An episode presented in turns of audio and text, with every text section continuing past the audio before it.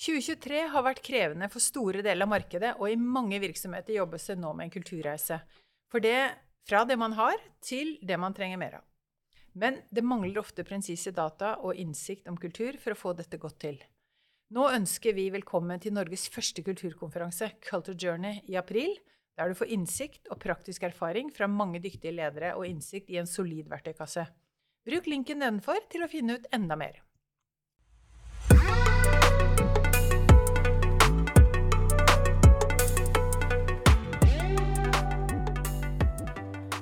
Hei! eh, Velkommen til ukas Culturecast. Jeg heter Tone og leder Culture Intelligence. Og i dag skal vi snakke om gründere som virkelig har fått det til. For da er det veldig mange spennende stories som ligger i det. Du vet, Norge har jo hatt mange dyktige gründere, og kanskje særlig inne i teknologi. eh, Men altfor få har jo vært med på den der internasjonale exiten som vi alle sammen drømmer om. Og altfor sjelden har et norsk selskap blitt store og lønnsomme. Og vi vet jo egentlig altfor lite om hvordan dette skjer, og hvorfor det skjer.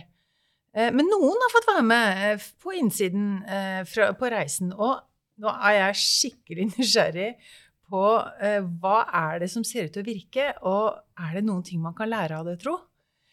Så da har jeg funnet en som har fått oppleve en reise utenom det helt vanlige, og han er vår gjest i dag.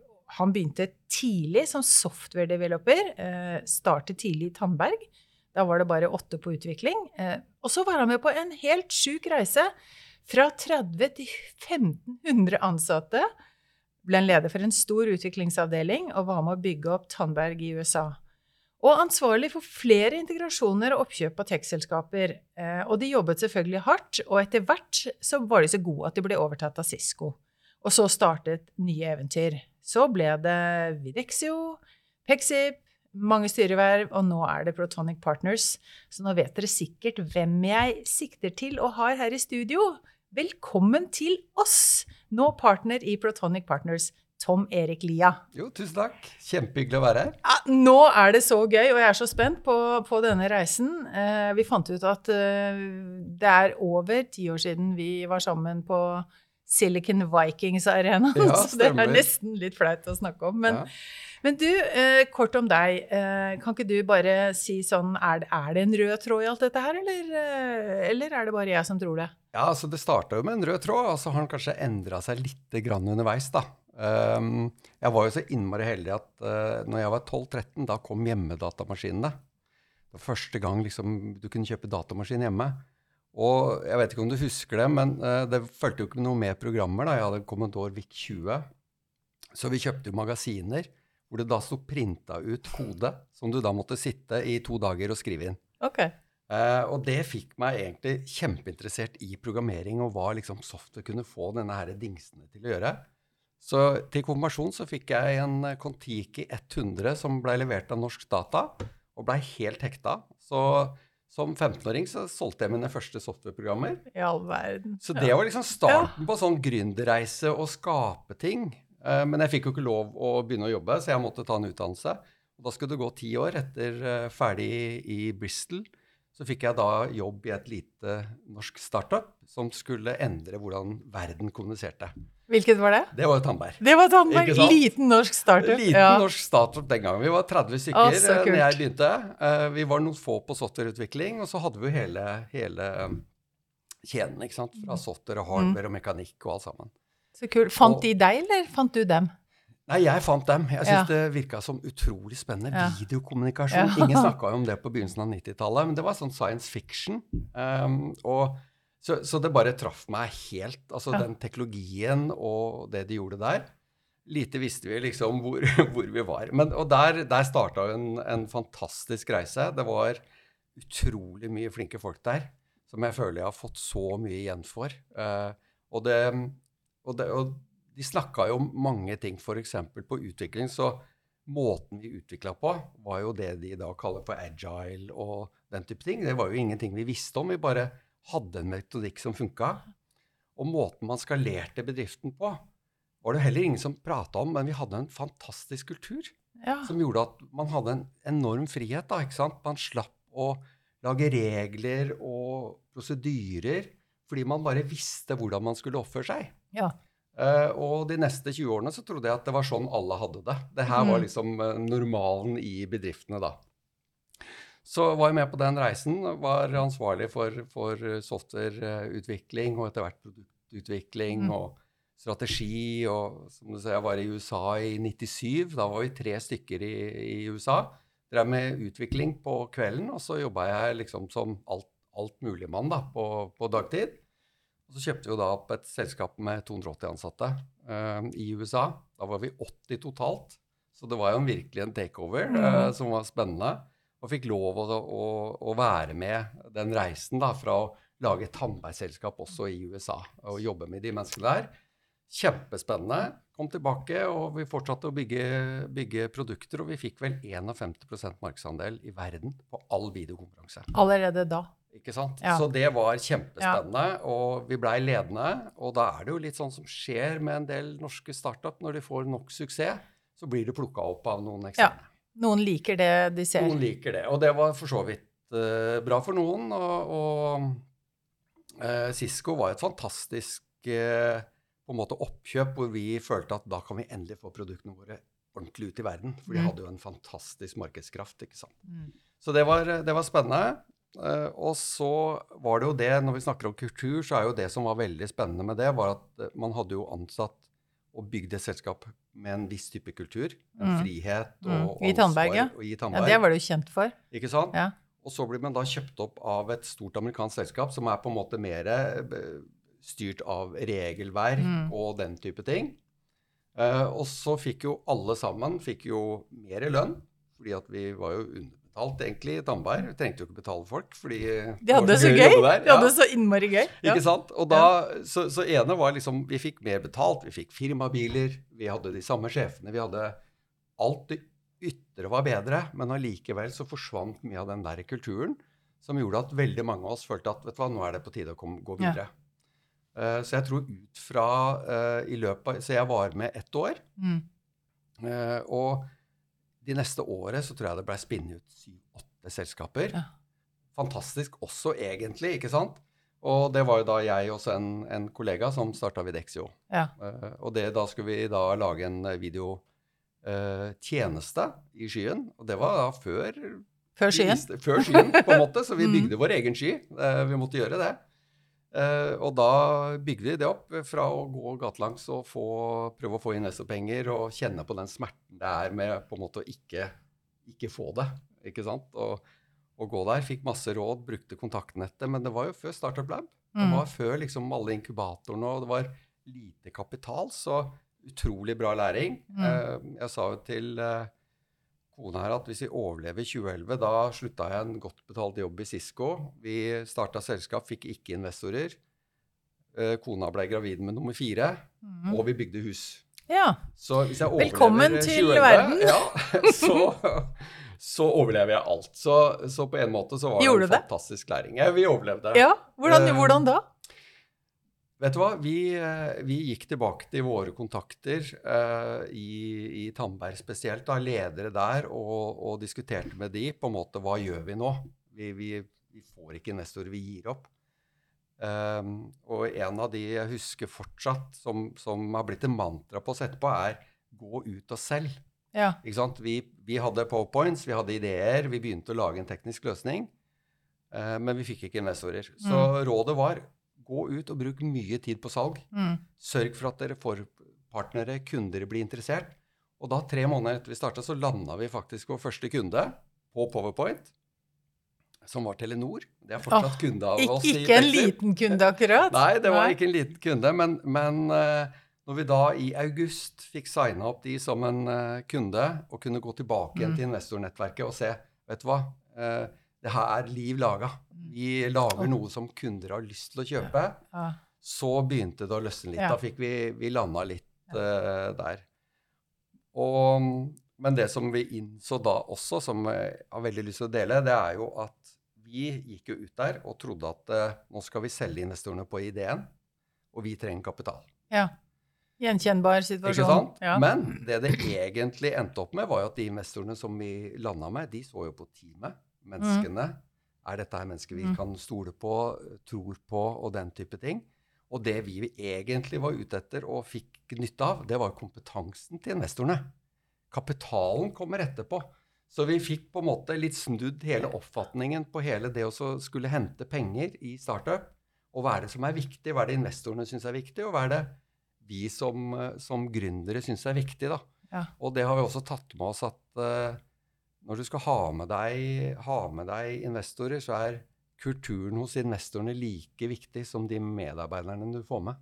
Det her er bare så ja. utrolig interessant. Uh, for nå har jeg veldig mange spørsmål uh, bare på den storyen. Dette er bare første Ja, det er bare introen. ja, bare introen ja. der. Men, men um, la oss starte med Tror du at Eller hvor dyrt var det for Cisco La oss ta det først. Hvor dyrt var det for Cisco at de beste hodene stakk pga. at ikke kulturen var sånn som den var? Altså, går det an å tenke på et tall i i, i, noen sammenhenger på det? For det må jo ha kosta utrolig mye for dem å miste dere som var liksom the brains i det systemet. Bedre biler, mer lønn, men the culture sucks. Uh, goodbye.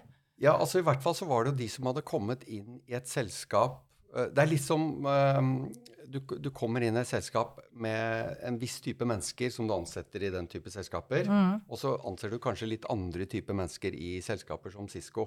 Mm. Og Cisco har jo fortsatt å investere i Oslo her, så det er mm. fantastisk. Mm. De, vi var vel uh, et par hundre mann i, på Oslo-kontoret når de kjøpte opp, og nå tror jeg de må være fire, ja. 400 mann. Sånn at det har gått veldig bra, og de, de leverer fortsatt fantastiske produkter. Mm. Men, men, eh, det er klart det er, noen, det er andre typer mennesker. Det går litt treigere. Det er litt mer system. Det er du, du, må være villig til å jobbe i en stor organisasjon. Så, så har jo de vunnet eh, mm. Best Place to mm. Work, og det virker som folket har det veldig bra. Mm. Men det er klart Men det var ikke Tandberg? Nei, det var ikke Nei, Tandberg. Og, det, og det, det, vi, vi, gikk jo inn i den, eh, det oppkjøpet og trodde at vi skulle endre Cisco, og ja. hvordan Cisco ja. endra. Og jeg vet du hadde jo Anniken her. Ja. Og hun jobba jo virkelig med å endre å hvordan Cisco ja. jobba. Og de har endra seg veldig. Uh, så det er vanskelig å, å si noe tall. Jeg, jeg, tror alle som var der, var innstilt på at dette her skulle man lykkes med. Mm. Og, og Cisco har klart å ta den porteføljen mm. videre til neste steg. Så, så, det er vanskelig å si. Jeg tror det var uh, på tide at uh, en del av oss uh, seniorer i Tandberg fikk muligheten til å gjøre noe nytt. Mm. For ingen ingen av mm. oss ville jo forlate Tandberg. Nei. Og vi prøvde jo også i Tandberg å bli en slags inkubator. Starte ja, ja. Eh, nye prosjekter fra, innsida. fra innsiden. Ja. Mm. Men det var for vanskelig. altså mm. Det, det, det klarte vi ikke å få til.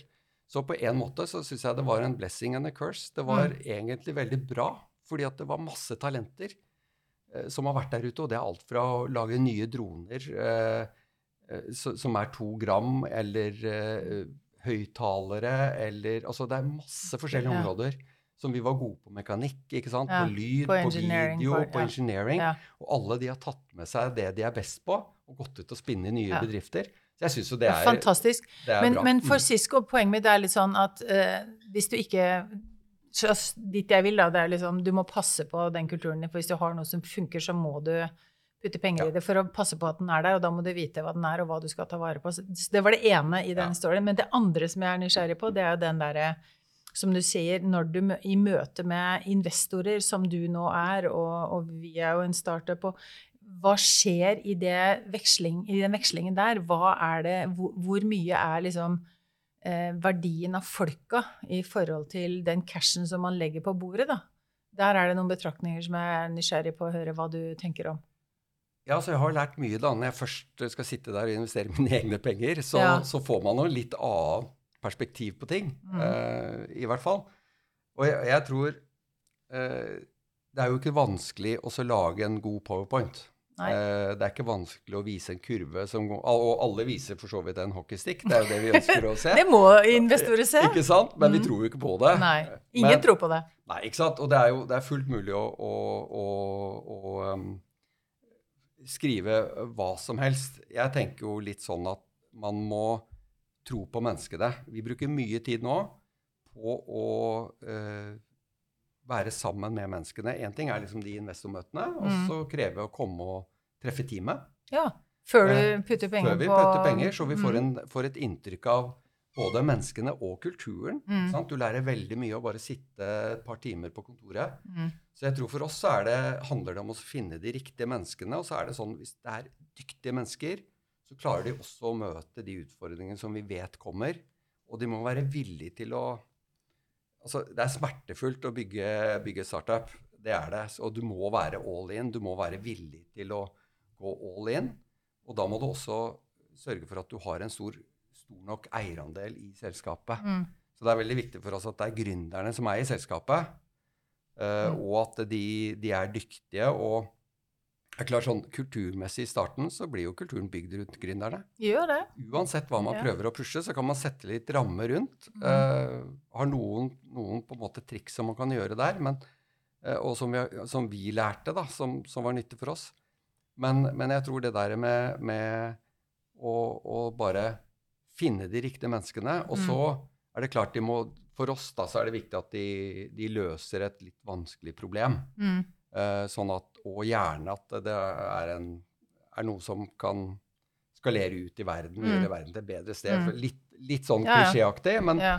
men uh, det er det vi ønsker å jobbe med. Mm. Så, mm. Men tilbake til det du ser etter. Har du, liksom, har du en sånn derre Disse tre tingene i kulturen må jeg se, ellers så tror jeg ikke noe på det? Eller har du noen sånn regel? du, du får jo en sånn ryggmargs... Vi har ikke en sånn fast regel, men du får Nei. en sånn ryggmargsfølelse eh, om at uh, her var det litt rart, eller du, du liksom, du syns kjemien mellom menneskene var litt rar, eller de er kanskje ikke helt, uh, helt committa. Sånn at uh, det er mer altså å få en følelse av det. Så spør Mm. vi jo mye, mye spørsmål. Mm. Vi har masse spørsmål, ikke sant? og vi er kjempeinteressert i de selskapene vi virkelig går inn i, så vi syns jo det er gøy. Mm. Og så er det vel litt sånn å blitt såpass gammel at uh, nå ønsker jeg å jobbe sammen med mennesker jeg virkelig ønsker å jobbe sammen med. Ja. Og det er jo den privilegiet vi kan Ja. ha nå. Klart det. Og det er klart, det å få inn en investor, det er jo litt som et uh, ekteskap. Uh, altså ansatte kan du faktisk sparke, Ja. mens uh, investorer de er med deg i tykt og tynt. Så vi hadde jo både middager og sånn når vi Ja. skulle få inn våre investorer, for å sørge for at det var Altså, dette er mennesker Ja. og investorer som vi ønsker å jobbe sammen med. Det er, og, og det er jo den der symbiosen der, hvis du får den der til å fly. Men den, den er jo bygget på data, fordi vi bærer med oss noe gründerkultur i selskapet, og så har jo investoren sin egen kultur. Så jeg, er utrolig nysgjerrig på om man kan lage en slags sånn, eh, et eller annet sånn databank som sier hvis du har mye av det og lite av det, så, så passer Det du ikke sammen. godt. Jo, men ikke sant? Det, det er jo noe med det. Ja. Eh, For det burde kunne gå an å, å, Ja. å, analysere. Men et tips, bare sånn Ja. tips da til gründere som ser Ja. etter. Vi, eh, vi intervjua jo CEO-er i andre selskaper Ja. hvor de hadde gått inn. Ja. Og det som, fordi at det, det som er det viktigste for oss, og, og, og nå var vi veldig heldige med de investorene vi, vi fikk når vi begynte å bygge selskapet. Mm. Igjen trodde at alle investorene var sånn, men Mm. eh, det viser seg at det er det jo ikke. Men det at én ting er at når alt går bra, fordi da, da er det kjempeenkelt. Men det er jo når ting begynner å butte. Hvordan angriper de investorene da? Er de med på å hjelpe deg videre? Mm. Ja. Ønsker de deg vel, på en måte, eller Mm. prøver de å male sin Mm. egen kake? Mm. Så vi var veldig bevisste på det, og intervjua to-tre CEO-er hvor, hvor disse Ja. hadde sittet, og veldig akkurat som en, en ansatt, altså. Så Ja. det er utrolig viktig, den er- der dynamikken. Og det er helt avgjørende for at Ja. du skal ha en bra reise. Men Ja. det er klart i tider hvor det er lite penger, så blir det kanskje ikke akkurat en startup som, som intervjuer en, en investor for å se er det deg jeg vil ha. Det, og det er jo det som er litt fare nå, da, uti der. Så, det er det som er litt fare nå. så hvis vi hopper rett dit, liksom på en måte, hva, hva, hva skjer med gründerkulturen i vekstselskap akkurat nå, tror du?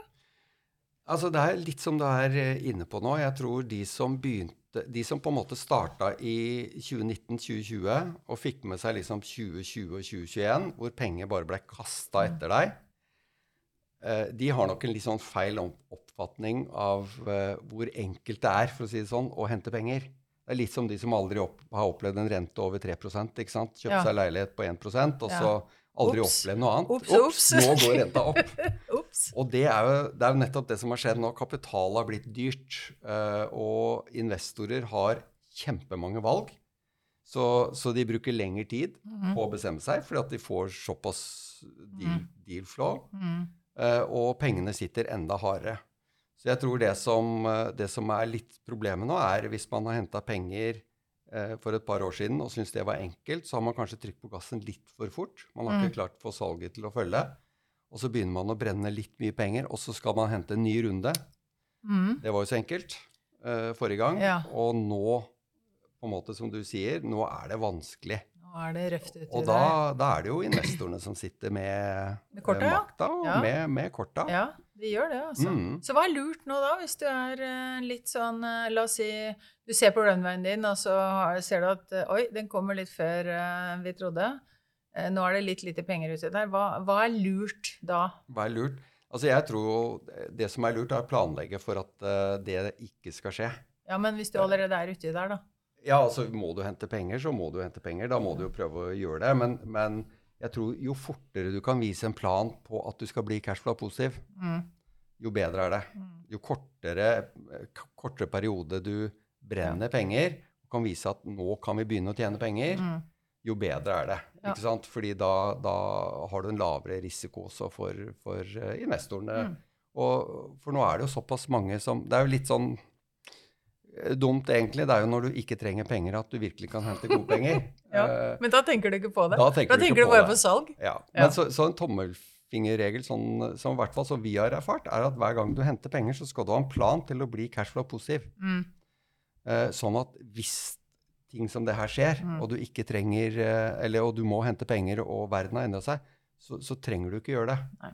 Ikke sant? Og så er det jo at når du begynner å nærme deg det og så bli cashflow-positiv og kan leve av egenkapitalstrøm, Mm. Da, Da kan du jo gjerne gå annen, ut igjen, ikke sant? spill, Ja. ja. og, og hente Ja. penger da for å skalere videre, men at man har en plan hvor man kan komme tilbake igjen. Og det til, til det å kunne tjene penger, det tror jeg er viktig. Og veldig mange uh, starta jo der hvor uh, det var litt for enkelt å få penger. Har litt for mye penger, og da prioriterer man kanskje litt Mm. feil. Jeg syns uh, for, Mm. for vår del så var det, var det bra å være fattig. Altså vi, Ja. vi henta akkurat det vi trengte, og følte at vi var fattige hele tiden. Men det gjorde jo at man sa mer enn nei, som Mm. er kjempeviktig, Mm. og prioriterte mye hardere. Ble bedre på det. Ja, og måtte bli Ja. bedre på businessutvikling og Ja. salg, sånn at vi kom opp til, til eh, cashflow positiv. Og det var jo en sånn fantastisk følelse den første måneden Ja. hvor du kunne leve på egen Åh, kontantstrøm og ikke ikke lån jeg gleder meg så innmari på Ja. det. Ja. Du, skal ta ett nerdespørsmål før vi går og hører om det som ble en suksess i reisen din. Eh, nerdespørsmålet er som følger. Eh, hvis du kan dokumentere eh, en riktig eh, kultur for, en, eh, vekst, for et vekstselskap, hvor mye vil det påvirke verdifastsettelsen av selskapet? Tror du? Jeg tror det er kjempeviktig. Eh, altså bare en, en, en, eh, en, en følelse av en god kultur, altså at man, man har sterke gründere med team som er velfungerende. Det er alfa og omega. Nesten sånn at hvis du ikke har det, og du, du oppdager at her er det noe gærent, så, Mm. så, så, så er du ille ute, på en måte. Mm. Så, så det er vanskelig å fastsette liksom hvor mye det betyr hvor, en, en fast verdi, men at det betyr mye, det tror jeg absolutt. Og jeg tror veldig mange investorer er som det vi er, at vi Mm. ser på teamet Mm. og ser hvordan de fungerer sammen. Mm. Eh, og da gjenspeiler det jo kulturen, ikke sant? Ja, det, det, jo, det kommer jo fram. funker- ja, Ja. og hvis det ikke Ja. fungerer, så, så er det lettere å bare Vet du hva, vi har så mange opsjoner. Da går vi til neste. Ja, nettopp. For Så, det er så det jeg som tror er kjempe, kjempeviktig. Mm. Så Mm, absolutt. Ja. Du, eh, nå er det Pexip. Fordi eh, jeg skjønte etter at vi traff hverandre sist, så hadde du gjort et eh, fra Videxio til Fortell om den reisen der. Ja, det, kan vi, det, det var også veldig spennende. For et av de andre selskapene som ble spinnet ut året etter oss, det var jo et selskap som tilfeldigvis het Pexip. Ja. Det var også ekskollegaer Ja. som bygde selskap. Og vi bygde jo selskapene våre parallelt. Begge selskapene ble cashflow-positive. Fikk kjempebra traction der ute. Vi, vi, hadde vel en eh, ja, 80-90 millioner i, i software ARR, og jeg tror Pexip hadde en 100-120 millioner norske kroner. Men så så vi at vi gikk jo til de samme kundene. Vi Mm. prøvde å hyre de samme menneskene. Og vi satt 500 meter unna hverandre. Ja. Og, og dere kjente hverandre. hverandre veldig godt, ikke Ja. sant? Uh, og begge sto da på en terskel at nå, nå ønsker vi å virkelig skalere, skalere bedriften uh, internasjonalt. Mye mer enn det vi har gjort tradisjonelt. Så, så da bestemte vi oss for å, å slå sammen selskapene i 2018. Det var det som skjedde. Ja. Mm. Og så ville vi beholde Pexip-navnet, for de var litt sterkere. Ingen hadde hørt om Videxio. Vi var weightlabela i inn- og serviceproviderne. Så vi beholdt uh, Pexip-navnet og, og skapte et nytt selskap da, som het Pexip. Mm. Uh, og da var vi vel totalt sett så var vel en 120-30 ansatte. Mm. Og så skal vi skalere. Ja. Og da i slutten, og da, Men apropos kultur, for det, mm. det var veldig spennende, egentlig. Fordi begge kommer jo fra samme opprinnelse. ja, det var sånn, Tandberg, Ja. kultur. Ja. Tannbergdrevet kultur. Så når vi slo sammen, og kickoffen vi hadde da i januar 2019, så tror jeg ingen fra utsiden kunne si at dette her var to forskjellige selskaper for to måneder siden. Fordi at vi, vi hadde samme språket, samme verdigrunnlag. Ja, Eh, vi hadde kjemperespekt for hverandre. ikke sant? Vi hadde jobba sammen. Ja, for det også. var egentlig en del av samme opprinnelige flokk. Vi var det, ikke sant? Så det var gjort sånn, og så ja, hverandre. Så det var helt fantastisk. Og Ja. det viser jo hvordan mergers kan lykkes. Mm. Og det lykkes hvis kulturen er lik. Ja. Hvis du ikke har det, og det har du sikkert kjempeerfaring med, så Ja. blir det krasj. eh, og da klarer du ikke å lykkes på Nei. samme måten. Da smeller det skikkelig. Da smeller det. Ja. Så Q1 2019 ja. hadde vi nye rekordtall. eh, alle var liksom gong ho og kjørte på. Så det her fungerte jo veldig bra. Og da bestemte vi oss for å virkelig satse, hente Mm. penger Mm. og børsnotere oss. Så det, Mm. det Høsten 2019 bestemte vi oss da vi skal børsnotere oss våren 2020 Ja. det å hente, noe, hente penger. Så vi fikk akkurat én tur til New York og begynne å hilse på noen investorer. Så var det fullstendig lockdown. ja, så stengte det. Så stengte alt sammen. Men da ble det veldig bruk for det, fordi videokonferanser var jo det verden trengte da. det, det var det. Alle tilretteleggerne sa at vet du hva, dere kan ikke gå på børs når vi ikke kan få truffet investorene. Nei. Dere må treffe dem uh, for å bygge tillit og, Mm. og sånn. Så det var jo så vidt vi ikke trykka på stoppknappen uh, for å si at vet du hva, vi må vente. Det var jo alle bare Det var jo fullstendig lockdown på kapitalsiden. Ja. ikke sant? Ingen gjorde heller noen, eh, noen eh, børsnoteringer. Men så tenkte jeg ok, det kan vi godt gjøre, men vi er et videokonferanseselskap. Hvis noen skal klare det, så må det være oss. Og så vi sa vet du hva, vi prøver. Og vi hadde da eh, 100-150 videomøter med investorer som aldri hadde vært på video før. Ja. ikke sant? Av Brukte deres egen teknologi, rett og slett, og demonstrere? Ja. De satt jo hjemme. Mm. Og i de tilfellene hvor vi hadde flydd til New York, vi hadde kanskje fått 20 minutter med en, en, en head of investment uh, av et eller annet slag, så traff vi ham hjemme med unger flyende i bakgrunnen, i T-skjorta, litt laid back. Og det, det skapte en fantastisk atmosfære, ja, faktisk. For det ble et annet møte. Det ble et helt annet møte, og vi var liksom, verden var jo felles. Vi var i lockdown sammen. Så vi endte jo opp med at uh, vi fikk 100 av de, de investorene vi møtte, de signa seg opp på, oh. på IPO-en. Og det hadde de aldri opplevd før. Fantastisk. Så det var kjempegøy, Ja. altså. Og det blei jo en, en kjempesuksess. Vi henta jo 2,4 milliarder kroner. Det var en av Nordens største software-børsnoteringer. Og vi åpna jo opp egentlig floodgaten da på, på Oslo Børs. Den, den våren etter oss så kom det veldig mange. Utrolig gøy. Så, så det var jo Det er en fantastisk reise, Tom Erik. Altså, Ja, det var veldig- det var veldig spennende. Uansett hva ellers, så hva som skjedde etterpå. Ja, ja. Så, så det var jo kjempegøy. Og vi fikk jo en, en salgsboost uten like i Mm. 2020 og begynnelsen av og 2021. da, Hvor vi, vi vokste jo ARR med 400 millioner kroner. Det var helt sinnssykt. Og vi ansatte jo en del mennesker. Og så var det jo det som, som på en måte skjedde, var jo at da eh, fikk jo også Microsoft litt eh, vann på mølla. ikke sant? De hadde et team som ikke var spesielt bra i starten, men, men som de virkelig fikk schwung på. Mm. Og våre kunder hadde jo da kjøpt mye mer enn det de egentlig trodde. ikke sant? Panikkjøp eh, i starten av lockdown. Så veksten stoppa jo opp. Eh, så vi, vi, den stoppa vel opp rundt 1 milliard eh, nådde vi da i, i annual recurring. Og vi satsa jo videre, og så stoppa jo veksten opp. Og Hvor- da ble hvorfor vi straffa. På grunn av Nei, fordi dere ikke klarte å konkurrere med Microsoft? Ja, eller? altså Det var jo egentlig ikke det som var vår kjerne. Men det er klart når Microsoft slår på stortromma, ja, og Google og Ja. Zoom, ja, så var vi for små. Eh, og da, da vi, vi gikk jo ikke ned, men, vi, men veksten stoppa opp. Og det, det blei jo en kjempenedtur på, på børsen. Ja. Og våre investorer og alle som hadde satsa penger på oss. Uh, så det er jo veldig leit. Så vi var jo fra all time high på 112 ned til 8 kroner. Eh, så det var en kjempenedtur. Ja, men nå, har det, nå Ja. har det jo snudd, og nå er vi tilbake igjen. Og det vi måtte gjøre, er jo også en, en sånn interessant historie, egentlig. fordi at det markedet vi var i, det forsvant. Det ble tatt over av Microsoft Teams. Okay. Eh, men vi hadde jo kjempebra teknologi, kjempebra Mm. mennesker. Så det, det vi gjorde, var jo måtte, en, en strategi hvor vi måtte fokusere på det vi var virkelig gode på. Som da ikke Microsoft og Google og de Mm. andre er gode på. Og hva var det? Nei, altså Det er jo mye rundt privacy og det å kunne Ja. lage en løsning som ikke nødvendigvis er i en amerikansk sky, men der hvor du har andre krav. Ja. Det er eh, det at du kan skreddersy uh, litt mer. Altså Kjøper du Microsoft, får du Microsoft. Mm. Det er ikke sånn at du går til Microsoft Nei. og sier du, jeg trenger tre nye knapper her og her, ellers vil jeg ikke bruke Teams. Uh, sånn at uh, det, det vi gjorde, var jo å begynne å fokusere på våre styrker. og virkelig selge. Men da, da blødde vi jo i den ene enden, mens Mm. vi bygde opp den andre businessen i den andre enden. Og så fikk vi også på plass en ny CEO eh, tilbake i, i 2022.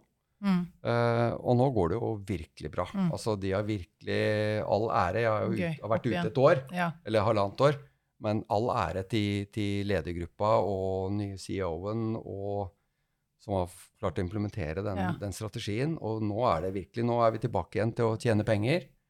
Uh, har litt over en milliard i ARR. ja. Og liksom børsen også, børskursen går også oppover. Så nå har man på en måte klart å komme tilbake Hent- igjen. hente seg litt inn Ja, hente seg litt inn. Men du, hvis du skulle fortelle denne historien her, basert på liksom hva skjer med kulturen når den først liksom Fantastiske muligheter, vekst, de får til alt, og så bare detter som en stein av noe, og så opp igjen. Eh, Hva skjer med kulturen i de tre eh, eh, Kall det leggene der i en stafett, da? Eller Jeg skal jo en, ikke si eh, noe annet enn at det at børskursen øh, Det å gå på børs, det er jo sånn blessing and a curse på en måte. Fordi at det blir veldig synlig hva den da, Ja. dagens oppfatning av selskapet er. Som ikke, ikke nødvendigvis er det riktige. ikke sant? Fordi innad så var det jo fortsatt fantastiske løsninger, fantastiske kunder, fantastiske mennesker.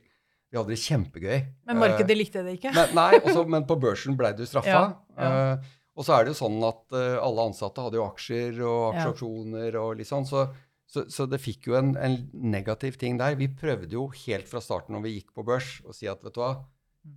ikke bry dere om børskursen. Også når det gikk opp, så var det ikke sånn at vi feira kjempemye fordi at børskursen går opp. Prøvde å ikke fokusere for mye på det, for vi vet at det går opp og ned. Mm. Men selskapet er jo det samme. Mm. Sjøl om din oppfatning, eller andres oppfatning, kanskje endrer seg veldig. Så du klarte du å holde på en ro egentlig internt, eller klarte dere det gjennom Ja, disse Man klarte jo det til en viss grad. Det er klart Ja. Når det virkelig gikk ned 80% så over et halvt år, så var det ikke like enkelt. Men, men, men uh, prøvde å ikke fokusere for mye på det, Mm. og heller på, på hva som skjedde internt. Men er jo blir man sånn- ikke mer sikkerhetsorientert da, når, man- når liksom børsen virkelig tar deg ned? Eller klarer man å bifre det?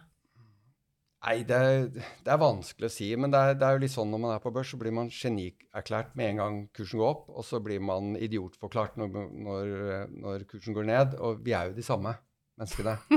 Mm. Så, men det, vi hadde nok unn, altså det var jo en læring. Vi, Mm. Ingen av oss, uh, faktisk verken i styret eller uh, i ledelsen, hadde vel vært ledere eller styre for et børsnotert selskap.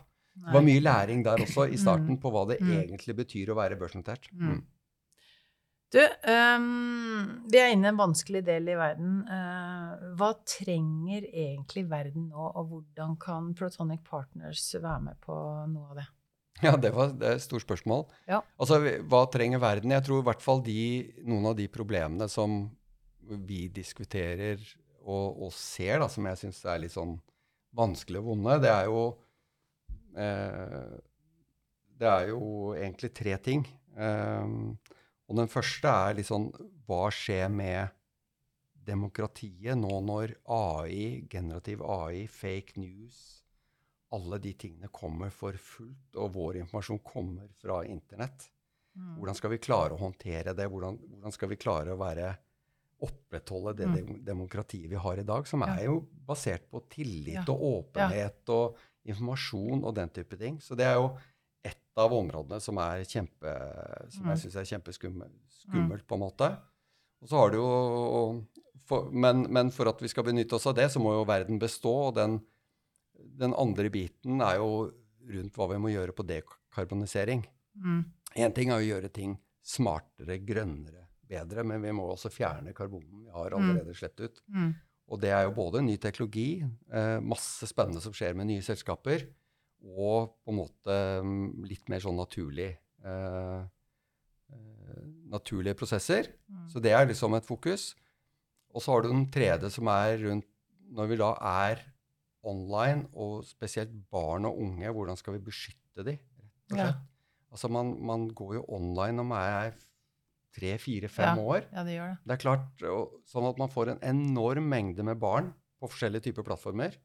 Hvordan skal vi beskytte de spesielt mot overgripere?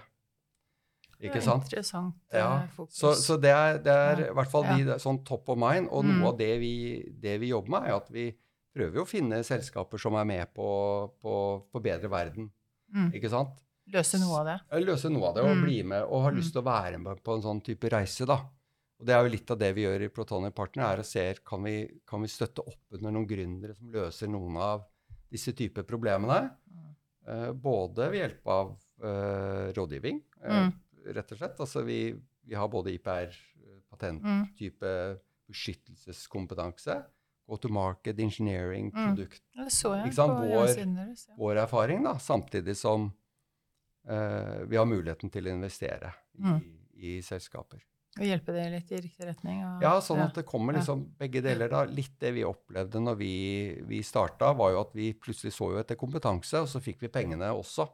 Men vi satte jo like mye pris på den spille ball med gründerne som, som var med oss fra starten mm. som investorer. For de hadde gjort det før. Mm, det, nå er du tilbake til den gode relasjonen ja, som må være ja, mellom gründere og investorer. Ja, og det er, det er, litt annerledes når du har vært igjennom smerteprosessene. Ja. og du kan på en måte peke litt vi er, vi er, litt sånn at vi ønsker å peke litt mer direkte på ting som man kan gjøre.